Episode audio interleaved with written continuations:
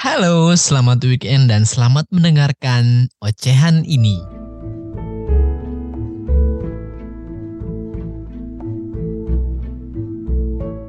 Halo teman-teman, selamat datang di Ngoceh Yuk. Ini di episode pertama. Aduh gila. Dulu itu gue pernah pengen, bukan pernah pengen ya, tapi hampir gue sekolah di luar negeri. Anjay, SMP gue mau melanjutkan SMA gue itu di Qatar waktu itu. Cuman ada case yang akhirnya gue nggak jadi lah. Jadi gue udah happy banget. Ya gimana nggak happy ya kan? sekolah di luar negeri yang kelihatannya kayak keren banget ketika itu anak SMP yang baru lulus terus mau sekolah di luar negeri dan katanya dapat uang saku gitu per bulannya berapa juta gitu 3 juta hampir apa 4 juta Buset kan kayak makmur banget gitu kan ngebayanginnya tapi gue sekarang bukan mau cerita tentang kisah gue yang itu gue mau ngobrol sama temen gue yang gue nih penasaran nih gimana sih rasanya kuliah di luar negeri gitu kok kayaknya kalau ada orang kuliah di luar negeri tuh kayak terlihat keren banget gitu. Kok kayak di di apa ya ngerasa paling mantep deh gitu kelihatannya kayak anjir si ini nih kuliah di Malaysia di mana kayak kelihatan keren gitu. Tapi kadang gue juga mikir gitu, kayaknya di sana juga sama-sama aja kali ya kayak di Indonesia. Kayak mahasiswa-mahasiswa Gunadarma pada umumnya, mahasiswa-mahasiswa UI pada umumnya. Tapi gue nggak mau ngayal-ngayal sih, gue nggak mau ngayal-ngayal sendiri gue mau langsung aja dengerin ceritanya dari orang yang merasakan langsung kuliah di sana. Dan sekarang gue udah ada temen gue yang dia kuliah di luar negeri, di Turki lebih tepatnya. Dan ini teman gue namanya Irsat. Halo Irsat. Halo, halo Farhan. Halo, selamat malam. Selamat di sana juga malam kan Set ya? Ya, di sini jam pas banget jam 6. Oh, di sana jam 6. Turki Turki sama di ini udah sini 4 jam, jam 10.17 ya, beda 4 jam kurang lebih 4 hmm. jam lah ya perbedaan waktunya. Iya. Ya sekitar segitu lah. Dan sekarang Irsat ini baru baru pulang kuliah. Pulang kuliah. Eh bu, bukan baru pulang, baru selesai kuliah. Hmm. Oke, okay, Irsat. Irsat ini gue manggilnya Icat aja ya. Sabi sabi. Karena ya, biasa dipanggil Icat dia ini. Si Irsat ini biasa dipanggil Icat, tapi kadang juga Bang Icat. Kalau disikat jadi Bang Cat sih. jadi jangan dipanggil Bang Icat ya. Gue manggilnya Icat hmm. aja deh. Halo Cat, gimana Cat? Sehat Cat? Alhamdulillah baik, cuman mungkin karena lagi peralihan musim jadi agak agak bindengan suaranya gitu. Jadi, oh, ikan dong bindeng. Nah, itu kerapu kerapu. Bandeng dong, ah Irsat. uh, oh lagi peralihan musim berarti di sana ya? Dari musim apa ke musim apa by the way? Dari musim panas ke musim gugur. Eh, musim sorry, panas? Dari, enggak, dari musim gugur ke musim dingin. Musim gugur ke musim dingin. Oh, ada peralihan musim gitu ya? Kalau di Indonesia enggak. sih paling ya dari dari hujan ke panas gitu-gitu. Tapi itu juga kadang udah bisa bikin apa ya sakit juga ya apalagi kalau kita yang di sana ya nggak biasa ya. Iya. Oke Sat, sebenarnya ini gue mau uh, apa ya? Gue gua mau men, gua mau dapat jawaban atas pertanyaan-pertanyaan gue selama ini gitu. Kayak emang sekeren itu ya kuliah di luar negeri gitu. Apa jangan-jangan biasa aja kayak kuliah di Indonesia aja gitu. Atau gimana dan ke kultur-kulturnya sih gimana sih gitu. Perbedaan kehidupan di sana tuh gimana sebenarnya gitu. Apakah benar sekeren itu? Mungkin teman-teman yang mendengarkan juga merasa kayak anjir gue pengen banget nih kuliah di negeri ini, negara ini gitu. Kayaknya jadi keren gitu. Cuman kan mereka juga nggak tahu sebenarnya di sana itu kayak di negara itu kayak gimana gitu kan. Jangan-jangan cuma ngayal-ngayal. Akhirnya pas sudah nyampe negara itu, aduh gue nggak kuat, gue nggak kuat, gue mau balik, gue mau ke emak gue.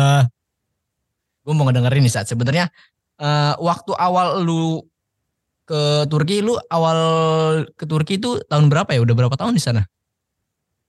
Uh, gua kan lulusan 2020 kan jadi pokoknya kalau backstory-nya tuh eh, sempat planning buat pengen studi di luar negeri itu dari kelas 11 kan. Oh, uh, berarti emang lu udah niatin banget ya dari kelas 11. Hmm, udah niat dari kelas 11. uh, negaranya tuh yang negara yang dipengen tuh masih deket-deket sih. Jadi kayak ke Aus ke Australia, ke Malaysia sama ke Brunei awalnya itu kan. Oke. Okay. Change ke untuk ke si untuk ke si untuk ke Turki itu nggak segitu besar kan gitu. Cuman pas uh, beralih naik ke kelas 12 yang emang masa-masanya kita mau bingung kan mau ke mana ngelanjutinnya. Anjay, bingung emang, gitu ya? Ya bingung karena kan studi di luar negeri itu di waktu di kala itu tuh emang agak sukar nyari informasinya kan agak agak susah gitu lah jadi eh, yang nggak ada sempat pupus juga eh, apa niatannya karena emang waktu itu buntu aja gitu nggak dapet nggak dapet informasi yang cukup. Kayak oh ini nanti daftarnya ke sini ke sini ke sini kayak kan. Emang awal mengincar beasiswa kan cuman kayak karena kurang info dan jadinya kurang persiapan jadi agak uh, ini akhirnya gagal lah anggapannya waktu itu kan di kelas 12 awal. Terus akhirnya ya memutuskan buat fokus buat di eh, SBMPTN kan waktu itu. 2019 okay. 2020 terus 2020 covid kan. Itu uh, ya udah di rumah itu masih uh, uh, di awal tahun 2020 tuh udah sempet daftar beberapa univ sih yang swasta kan. Jadi emang swasta tuh ada beberapa univ yang udah dibuka kalau salah di luar SBMPTN kan. Terus udah daftar ke, ke Univ Al Azhar di Jakarta. Bukan yang Kairo ya. Yang okay. Al Jakarta. Terus udah alhamdulillah keterima gitu kan. Terus di bulan Februari itu eh ini itu ada itu lagi timelinenya pendaftaran beasiswa Turki. Jadi waktu itu eh, entah dari mana dapat dapat info lah beasiswa dapat info studi dua negeri ke Turki gitu kan. Ya udah cobalah untuk uh, apply ke beasiswanya di Februari itu. Terus karena covid agak delay itu uh, pengumumannya. Terus uh, kan emang change awal tuh untuk beasiswa kan emang susah ya mau di mana pun itu. Apalagi di luar negeri gitu yang uh, kandidatnya dari seluruh dunia gitu. Jadi ya pesimis ujungnya kayak pupus lagi uh, niatannya terus uh, emak tiba-tiba dapat ini informasi jadi entah kenapa pas covid itu jadi banyak banget uh, agen pendidikan yang muncul oh, ya. Sorry sorry gue potong dulu nih. Lu dapat informasinya itu apakah dari orang yang lu kenal, dari medsos ketika lu lagi scrolling nemu ads-nya gitu iklannya atau gimana? Hmm, yang nemu sih emak. Nah, si emak itu dapatnya itu si dari emak. Si emak banget ya. Ya, ibu gua tuh dapat dapat infonya itu dari eh, tetangganya. Jadi tetangganya itu punya anak. Nah, anaknya itu dia studi di Mesir. Nah, eh, yang bantuin dia kan dia pakai agen agen pendidikan. Nah, oh. si agen pendidikannya ini buka untuk Turki. Baru buka waktu itu tuh di tahun 2020 tuh di tahun 2020 itu pas banget sama Covid kan. Terus ya udah akhirnya tawarin lah ke gua terus kayak ya udahlah cobalah gitu kan. Ikut lah gitu kan. Akhirnya coba ikut. Tapi di samping itu tetap nge siapin diri buat SBM gitu kan. Dengan cerita SBM ternyata dapat alhamdulillah di jurusan yang emang dipengen di HI kan tapi dapatnya ya oke okay. terus uh, pas detik-detik terakhir untuk uh, apa ya daftar ulang kan hmm. Pas sehari dua hari itu udah kan udah daftar sebelumnya di Turki beberapa univ ada satu yang nyantol kan terus agak bimbang tuh dua hari itu kayak mengambil di Unila atau di Turki gitu kan. Terus ya akhirnya ya deh Bismillah kita ambil Turki gitu.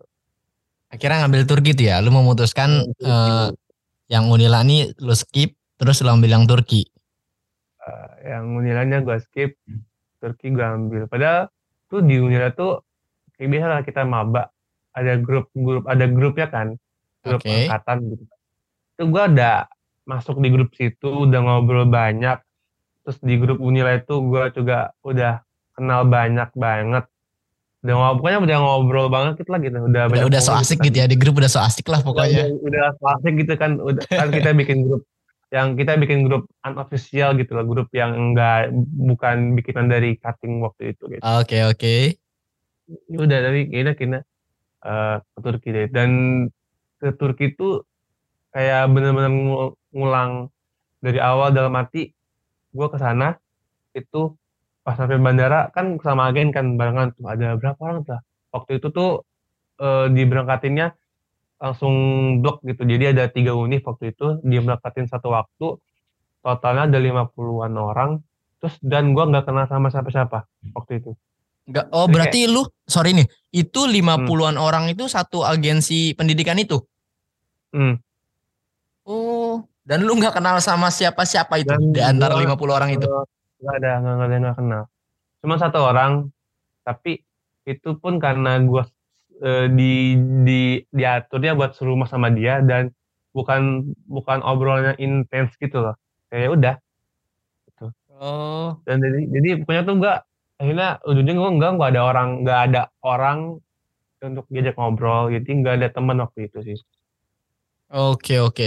Eh, berarti gini, kan lu eh let's say daftar di agensi pendidikan itu selang beberapa waktu lolos lah keterima dan dari dari jarak waktu keterima dan keberangkatan itu berapa lama itu?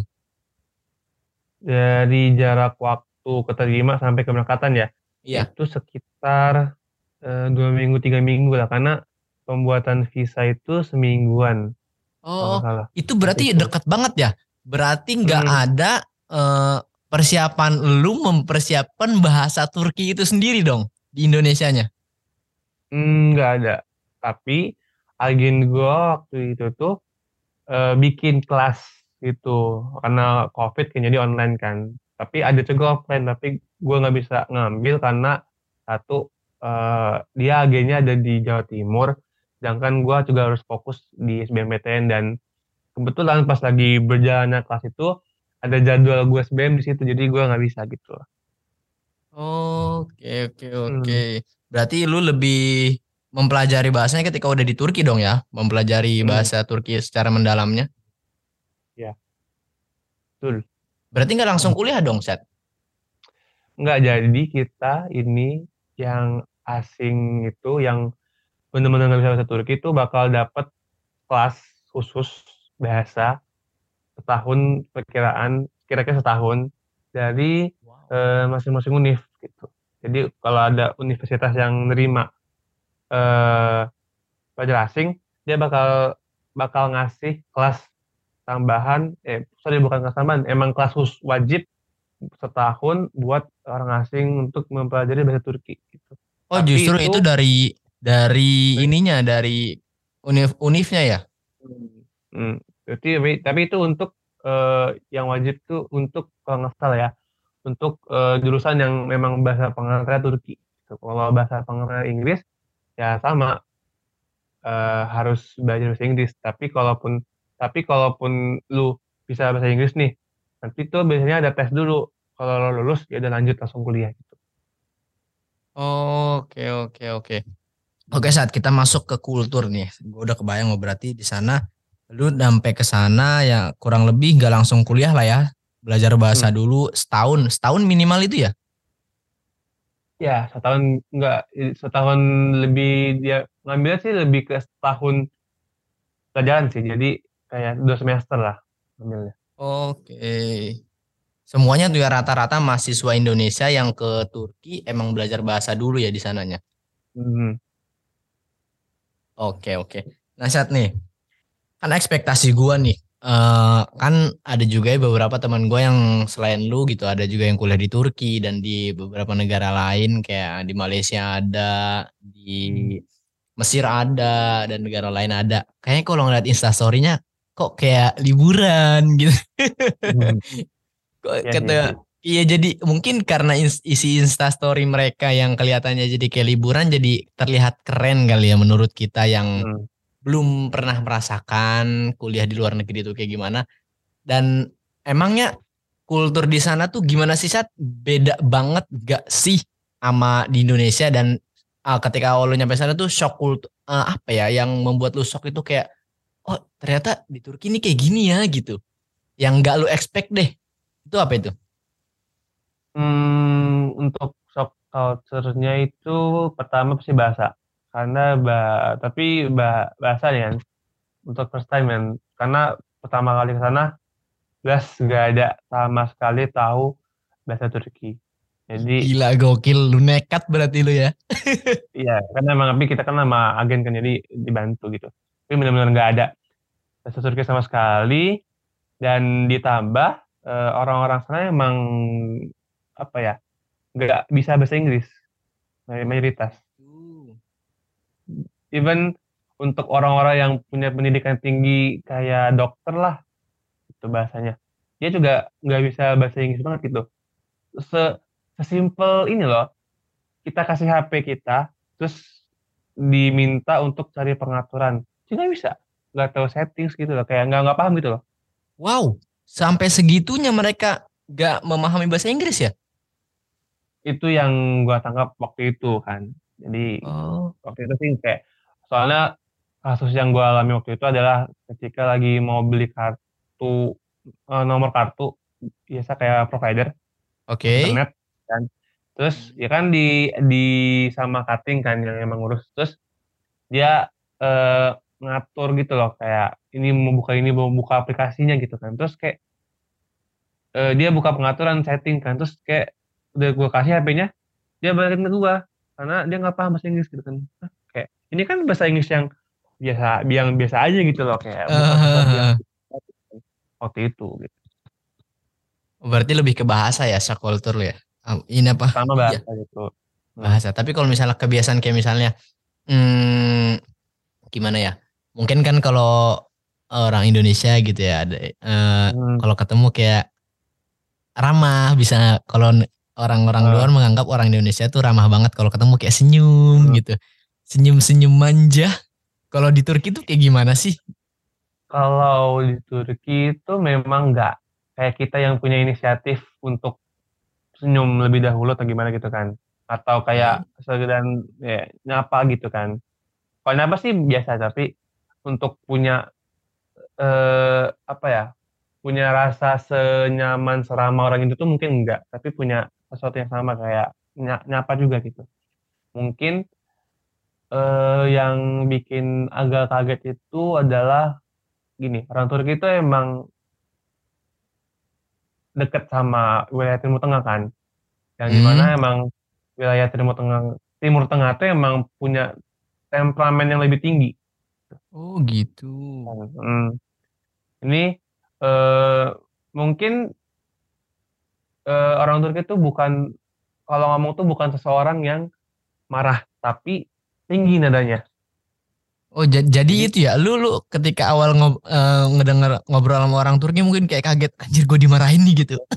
ya kayak apa ini kok salah apa gue kan terus ternyata emang eh, nada mereka yang tinggi gitu loh Oh, kita ya jadi lu pas mereka orang itu ngomong kayak, anjir gue salah apa nih gitu, gue salah apa nih. Ya, kayak- kan gue baru bukan gue ini kan baru nyampe di negara orang jauh di Eropa gitu kan bahasa terus kayak oh Negara ya, bukan kota yang di Indonesia.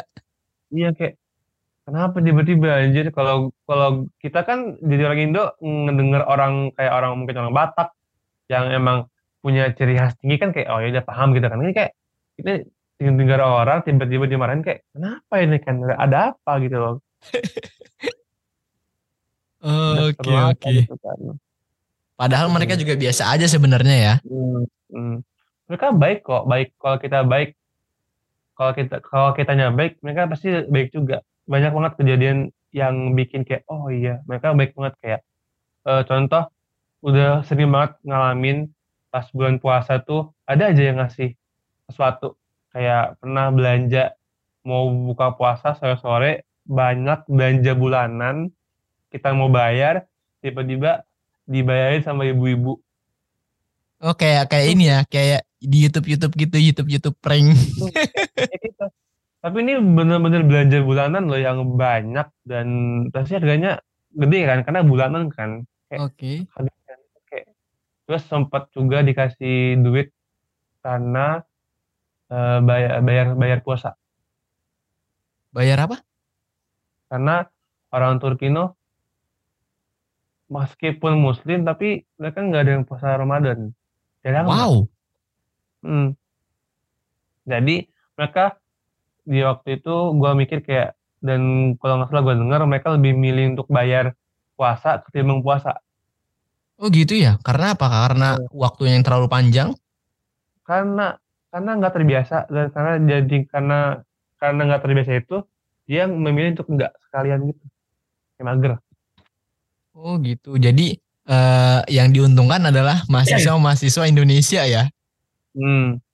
yang yang terlihat kan uh, orang-orang Indonesia ini masih muda-muda. Terus ramai banget nih di masjid apalagi jumatan kan jadi kayak oh di kayak mereka appreciate lah kayak oh akhirnya banyak pemuda kan seneng yang lihat pemuda banyak yang ke masjid gitu kan soalnya hmm. pemuda di sana di sini sorry di sini emang nggak banyak banget sih yang ke masjid gitu Oke. Okay. Kalau yang belanja tadi itu set, kalau yang belanja kan lu, uh, lu belanja nggak mungkin sendirian dong belanja bulanan kan? Iya, gue belanja nah, itu sama temen gue. Ada yang bayarin itu si ibu-ibu itu ngebayarin semuanya dong? ya semuanya yang gua kondisinya itu udah di scan semua kan minimarket udah masukin plastik udah mau ngasih duit udah ya yang teman-teman lu kartu. juga apa lu doang nih Enggak kan gua serumah ini waktu itu oh belanjanya emang serumah gitu ya? Belanja bulanannya hmm, serumah ya? serumah. Jadi pas mau ngasih duit dia ngasih ngasih kartu. Langsung di dikasih ke kasir ya. Kayak udah mau nggak apa-apa bu. Kayak biasa kan orang Indo kan nggak mau didapat kan nggak apa-apa bu nggak apa-apa gitu kan. Terus kayak mati. Yes. Langsung tuh ya di jalan lu sama temen lu anjir bro duit anjir. aman bro udah mati kan tapi itu beli daging anjir tahu gitu belanja yang banyak ini kok cuma segini iya. gitu ya dunia beli sayur semua lagi oh ada ya orang kayak gitu ternyata ya ya. Tapi kok biasa kan kalau kita kalau orang Indonesia yang ngelihat ngelihat orang eh, orang-orang luar negeri yang di Indonesia kayak justru mereka yang lebih banyak duitnya kayaknya gitu ya. Hmm. Dan jarang gitu orang yang uh, eh, gue nggak tahu sih. Kalau gue sih nggak pernah gitu ketemu orang luar negeri yang di Indonesia abis itu gue bayarin gue nggak pernah. Karena gue menganggapnya kayaknya oh, duitnya lebih banyak deh gitu. Hmm. uh, kalau di sana justru sebaliknya ya. Mungkin karena uh, mereka nggak banyak yang tahu perihal Indonesia ya. Jadi eh, karena nggak banyak tahu, jadi kayak mungkin kalau kita nganggapan kita sebagai orang Prancis atau Jerman di negara Indonesia lah, kita pasti dianggap, dianggap lebih tinggi kan derajatnya, oh. entah itu dari harta segala macam. Karena negara itu punya power lah, punya negara itu punya sesuatu yang bikin nama dia gede. Sedangkan Indonesia hmm. waktu itu mungkin di sini tuh nggak banyak yang tahu gitu hanya orang-orang yang mungkin belajar yang tahu gitu kalau orang-orang awam gitu kan nggak tahu kayak kita mungkin contoh kita karena belajar kita tahu negara Kamboja atau negara Timur Leste segala macam. Tapi mungkin orang yang awam kan mungkin nggak tahu negara Kamboja cuma gitu. Oke oke oke. Nah saat uh, gue suka ngeliatin juga story teman-teman gue gitu. Mereka kuliah di luar negeri, nah tapi kok kayaknya kesehariannya sama orang-orang Indonesia aja gitu. Jadi kayak hmm. menurut gue kayak kok kayak sayang banget. Cuman ada beberapa teman gue juga yang kayak di US, ada juga yang di US, ada yang di England dan mereka bergaul sama orang-orang yang luar negeri bukan orang Indonesia juga gitu. Dan apakah kebanyakan mahasiswa di sana itu yang bergaulnya emang sama mahasiswa Indonesia juga atau emang berbaur sama yang orang Turkinya? Eh, uh, uh, sih. Mungkin contoh uh, dari gue sendiri ya. Gue untuk uh, bergaul sehari-hari dalam arti main atau mungkin bercengkrama mungkin emang sama temen Indo kan. Oke. Okay. Karena karena di rumah gua, uh, gua berdua sama orang Surabaya, ya kan. Terus ya udah, kita belanja bareng, terus kayak ngurus rumah segala macam. Tapi di kelas di kelas gua tuh ada 50 ada 63 orang yang asing orang Indo tuh total sekarang ada ada ada empat. Ada empat. Jadi Satu kelas itu ya? empat. Jadi hmm, mungkin uh, karena gue sama sama temen gue ini sebangku terus kan sebelah tapi ya kita tetap ngomong sama teman-teman lain gitu apalagi nanya pelajaran gitu loh tapi mungkin kita keluarga juga emang salah gue juga nggak ngerasa kurang sih karena uh, kurang bercengkrama jadi uh, gue memposisikan orang asli sini tuh sebagai teman gue di kelas gitu. Belum seba, sebelum sampai orang eh, sorry belum sampai teman yang bisa main gitu. Oh gitu. Teman sekolah itu, aja ya mungkin gitu ya? sekolah aja gitu. Oh tapi gitu. Belum apa ya belum ada pengikatnya gitu lah. Oke oke oke. Uh, tapi gini saat uh, apa namanya kan kalau misalnya di Indonesia ada ya kayak kita kuliah tapi sambil part time kerja gitu kan. Ngambil kerjaan uh, di waktu-waktu kosong di hari-hari libur ker, uh, bisa kerja gitu kalau di Indonesia gitu. Nah kalau luar negeri tuh gue ada juga pernah ngedenger salah satu kakak tingkat gua yang di Mesir juga par, pernah part time dan apakah di sana juga bisa gitu sambil part time Hmm, sepenglihatan dari jadwal gue sama jadwal orang lain dulu ya. Oke. Kalau part-time tuh bisa, tapi bener-bener cuman bisa di weekend. Karena di sini tuh apalagi kelas at kelas tengah, yang kelas 2, 3 itu tuh, eh, dia seminggu tuh hampir full jadwal ada kelas. Meskipun Oh nggak seharian gitu. full. Ya, kayak ini mungkin ada di pagi doang, Sasa mungkin ada di siang doang gitu-gitu. Sama kayak gua. Oh. Gua iya, iya, iya. Selasa Rabu Kamis tuh kelas full, tiga hari berturut-turut. Dan ngambil jadwalnya tuh emang uh, nge-cover siang gua gitu loh. Jadi uh, emang ada sih yang masuknya siang, tapi gua masuk siang pulangnya bisa sore gitu loh. Hmm. Juga gitu. Oke, yo soalnya waktu itu uh, ada salah satu travel waktu ada trip ke Turki ya. Dan itu hmm. travel itu kalau misalnya ada trip ke Turki yang dokumentasiin kegiatan di sana tuh mahasiswi Turki. Siapa tuh namanya hmm. kemarin ya? Teguh. Ini gue tahu. Kenapa? Ini gue tahu deh. Siapa tuh namanya? Gue tahu, tapi tahu, cuman tahu tapi kayak gitu. Iya kayak oh, mahasiswi Turki. Gue kira kan itu tim yang dibawa dari Indonesia ya. Ternyata itu mahasiswi Turki yang emang part time. Oh kata gue dari Indonesia. Oh hmm, bisa juga ternyata ya gitu. Gue kira iya. nggak bisa. Kayak misalkan gue juga kan suka foto kan. Jadi okay. kemarin sempat di ini juga kok diminta sama cutting yang nikah di sini diminta buat jadi fotografer sama temen gue ini. Yang oh, cutting nikah di sana, orang Indonesia tuh? Iya, cuttingnya cowok nikah sama orang uh, Turkmenistan. Sini Ih, asik juga tuh ya kayaknya. iya. Berarti keluarganya dibawa ke sana semua dong? Kurang tahu deh, tapi ya stay di sini jadinya, stay di sini. Oh iya iya iya. Hmm. Nah kalau untuk keseharian nih saat uh, kayak misalnya dari uh, lu ngerasa beda nggak ketika awal-awal gitu? Apa ya? Hmm, menyesuaikan kebiasaan apakah sama aja? Cuma mungkin ya beda di waktu aja gitu. Beda gimana ya? Ya sama aja nggak sih kegiatannya kayak di Indonesia selayaknya orang kita lagi di Indonesia gitu atau gimana sih?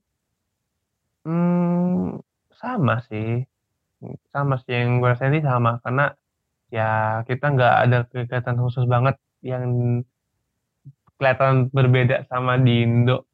Ya tetap sekolah tetap mandi tetap ngurusin rumah. Ya anggapannya ngurusin kos lah gitu. Oh, mungkin gitu, yang bikin yang struggle-nya itu adalah pertama kali itu adalah uh, waktu sholat. Waktu sholat kenapa tuh? Karena waktu sholatnya ini suka berubah tergantung waktu. Misalkan di tergantung sorry tergantung musim. Kalau jadi misalkan di musim panas tuh sholat zuhur itu bisa jam 12. Nah musim yang mau ke dingin itu bisa jam satu setengah dua. Terus eh, yang paling kerasa sih sholat maghrib dan sholat subuh. Musim panas musim panas itu sholat subuh bisa jam jam 5 atau mungkin jam setengah lima jam 4 nah sholat subuh di musim dingin itu bisa jam 6 jam 7 Oh gitu ya. Berarti Hmm. gila menyesuaikan waktunya itu tubuh itu ini ya. Kayak Hmm. eh, kan biasa kan kalau misalnya kita di Indonesia ya jam 4 ya jam 4 selama beberapa bulan gitu kan. paling Terus jam cuma 5 jam beda 5. berapa jam dua hmm. Gak Jadi- beda banget kan gitu kan Hmm. yang paling yang paling kerasa tuh tebak yang paling kerasa tuh pas kapan Kenapa? Gimana? yang paling kerasa perbedaan waktunya tuh pas kapan kira-kira di waktu Lebih ke subuh sih. Subuh gak sih? hmm, subuh maghrib apalagi pas bulan Ramadan Kenapa tuh? karena kita Ramadan tuh kemarin-kemarin eh apa? Waktunya itu pas di bulan Semi kalau nggak salah. Jadi agak-agak mau ke musim panas. Nah waktu itu tuh musim pokoknya musim mau ke panas tuh siangnya lagi panas eh siangnya sorry siangnya lebih lama. Nggak sih kayak film-film luar negeri yang eh, libur musim panas atau eh, dulu emang di film-film musim panasnya siang lebih panas jam 7 masih terang gitu. Oh yes yes I see I Nah, see I see. ini juga ini. Jadi musim panas itu di ini di musim panas ya di musim panas tuh ma- eh, gelap aw- matahari terbenam tuh bisa jam 7 Jam 7? jadi kayak jam berapa nih? Jam 6 tapi kok masih sore gitu kan? Oh jam 7 setengah 8 bisa baru terbenam. Gila ya. Iya, ya dan karena siangnya makin lama, otomatis waktu puasa kita di bulan Ramadan tuh makin lama juga. Ih, pantesan. Terus lu lu puasa full nggak tuh? Oh, puasa gua full, ya mau mau kan. Kita takutan kan mau haus-haus Hmm, dikit iya. sehari dua hari minum. Enggak, bukan masalah haus sih, lebih ke nggak mau buka sosmed apalagi pas waktu maghrib di Indonesia kayak kita kita udah beda 4 jam, mereka udah buka, udah gitu kita harus nunggu beberapa jam lagi sebelum jam 6 lah anggapannya. Demi buka puasa gitu kan. Oh, lama banget lagi gitu kan. Oh gitu ya. Lu lu, nggak mau buka sosmed tuh ya?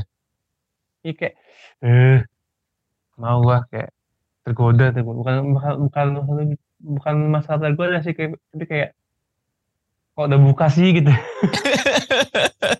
Kok udah buka sih gitu di sini masih lama boy gitu. iya udah lama anjir gitu kan. Udah empat jam Terus terus lu lu gimana ngatasinnya nggak main sosmed chat? Menunggu waktu dalam waktu yang lumayan lama? Apa main PS sama temen lo yang satu rumah gitu?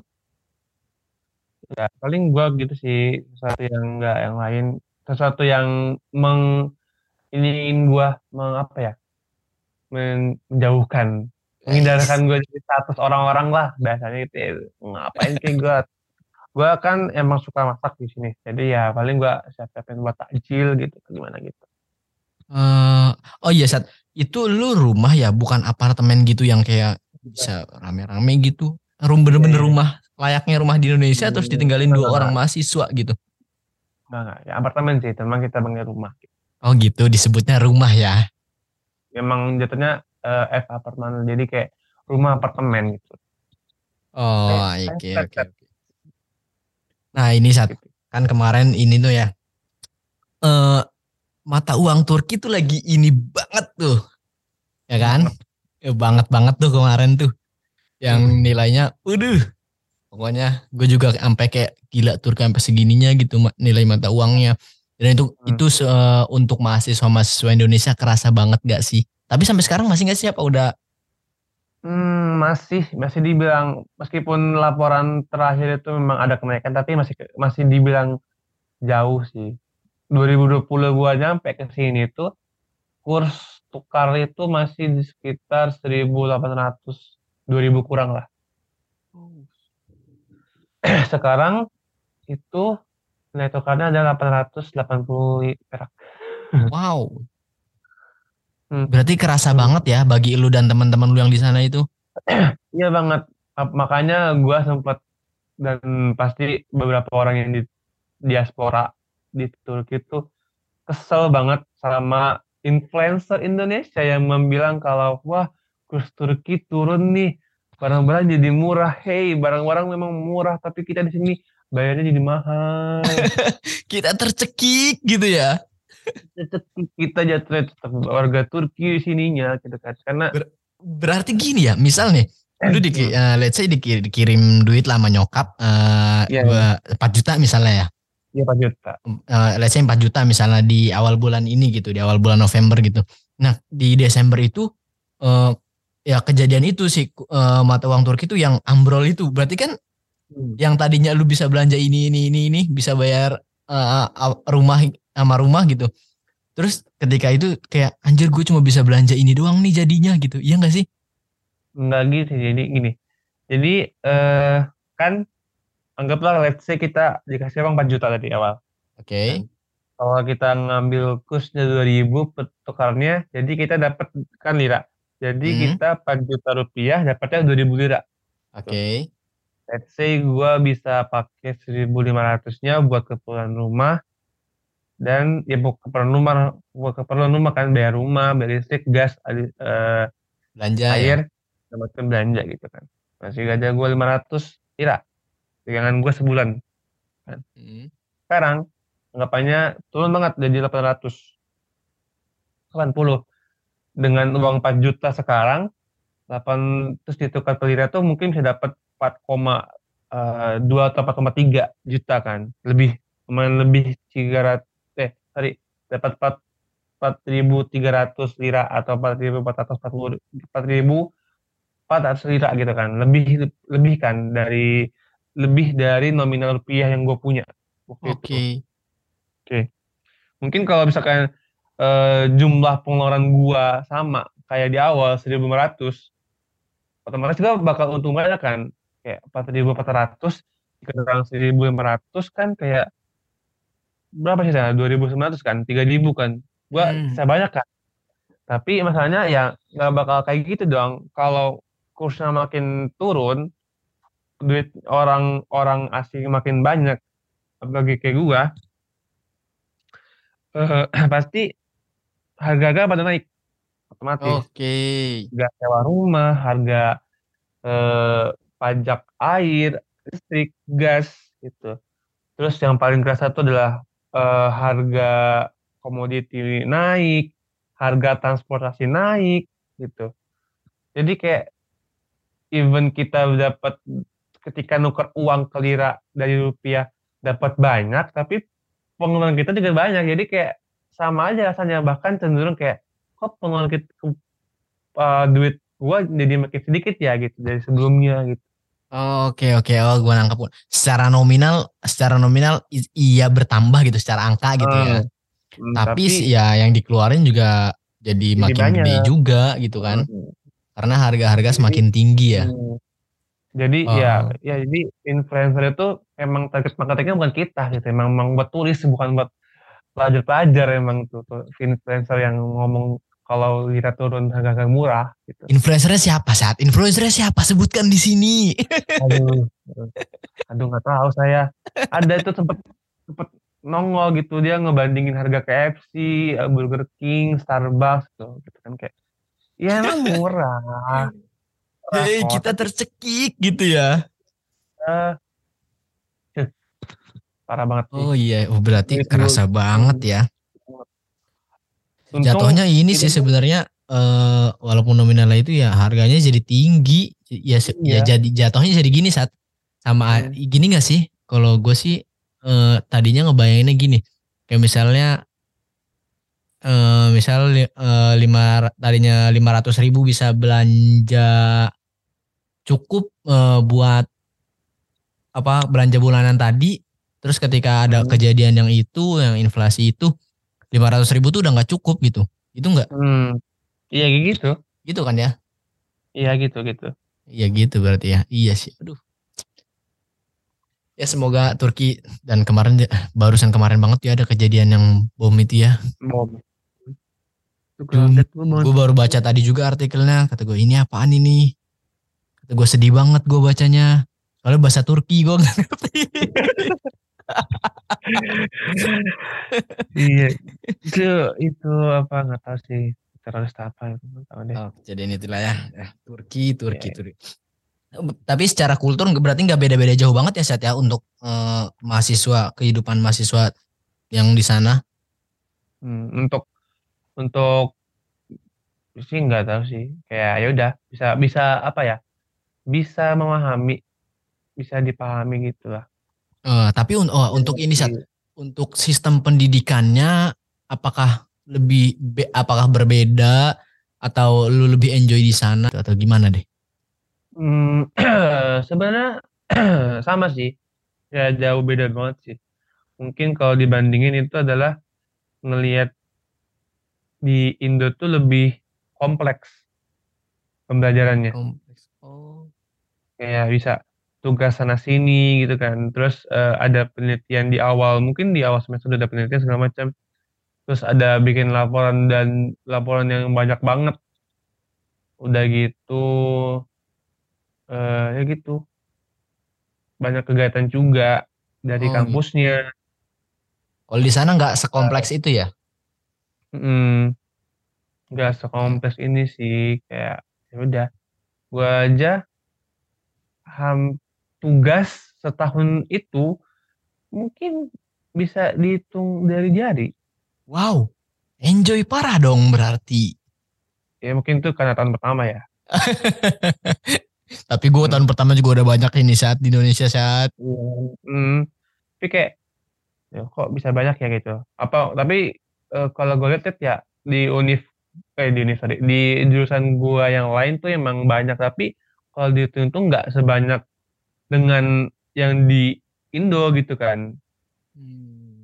Terus yang satu hal yang bikin beda adalah nggak ada, nggak ada skripsi. Nggak ada skripsi ya? Iya. Jadi ketika udah emang eh jenjangnya itu semester apa? Gua gua gua pernah oh, nonton betul. salah satu vlog mahasiswa Indonesia juga yang di luar dan itu katanya kelas sih.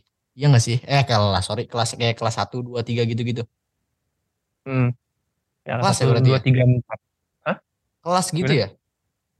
Kelas, kelas ya. Tetapnya hitungan kelas, tapi ya secara garis besar sama kayak di Indo semester semesteran gitu. Cuman okay, kita okay. kelas satu, kelas dua, kelas tiga, kelas empat gitu. Oh, berarti nggak beda jauh, nggak beda jauh banget sih ya sebenarnya. Cuma ya, tapi salut sih sama teman-teman mahasiswa dan mahasiswa yang di luar negeri. Keren banget penyesuaian dirinya. Karena ada beberapa orang juga yang kayak nggak kuat gitu saat ya. Hmm. Ya, kira dan semoga lu kuat ya sampai selesai saat. ya amin amin amin doain doain.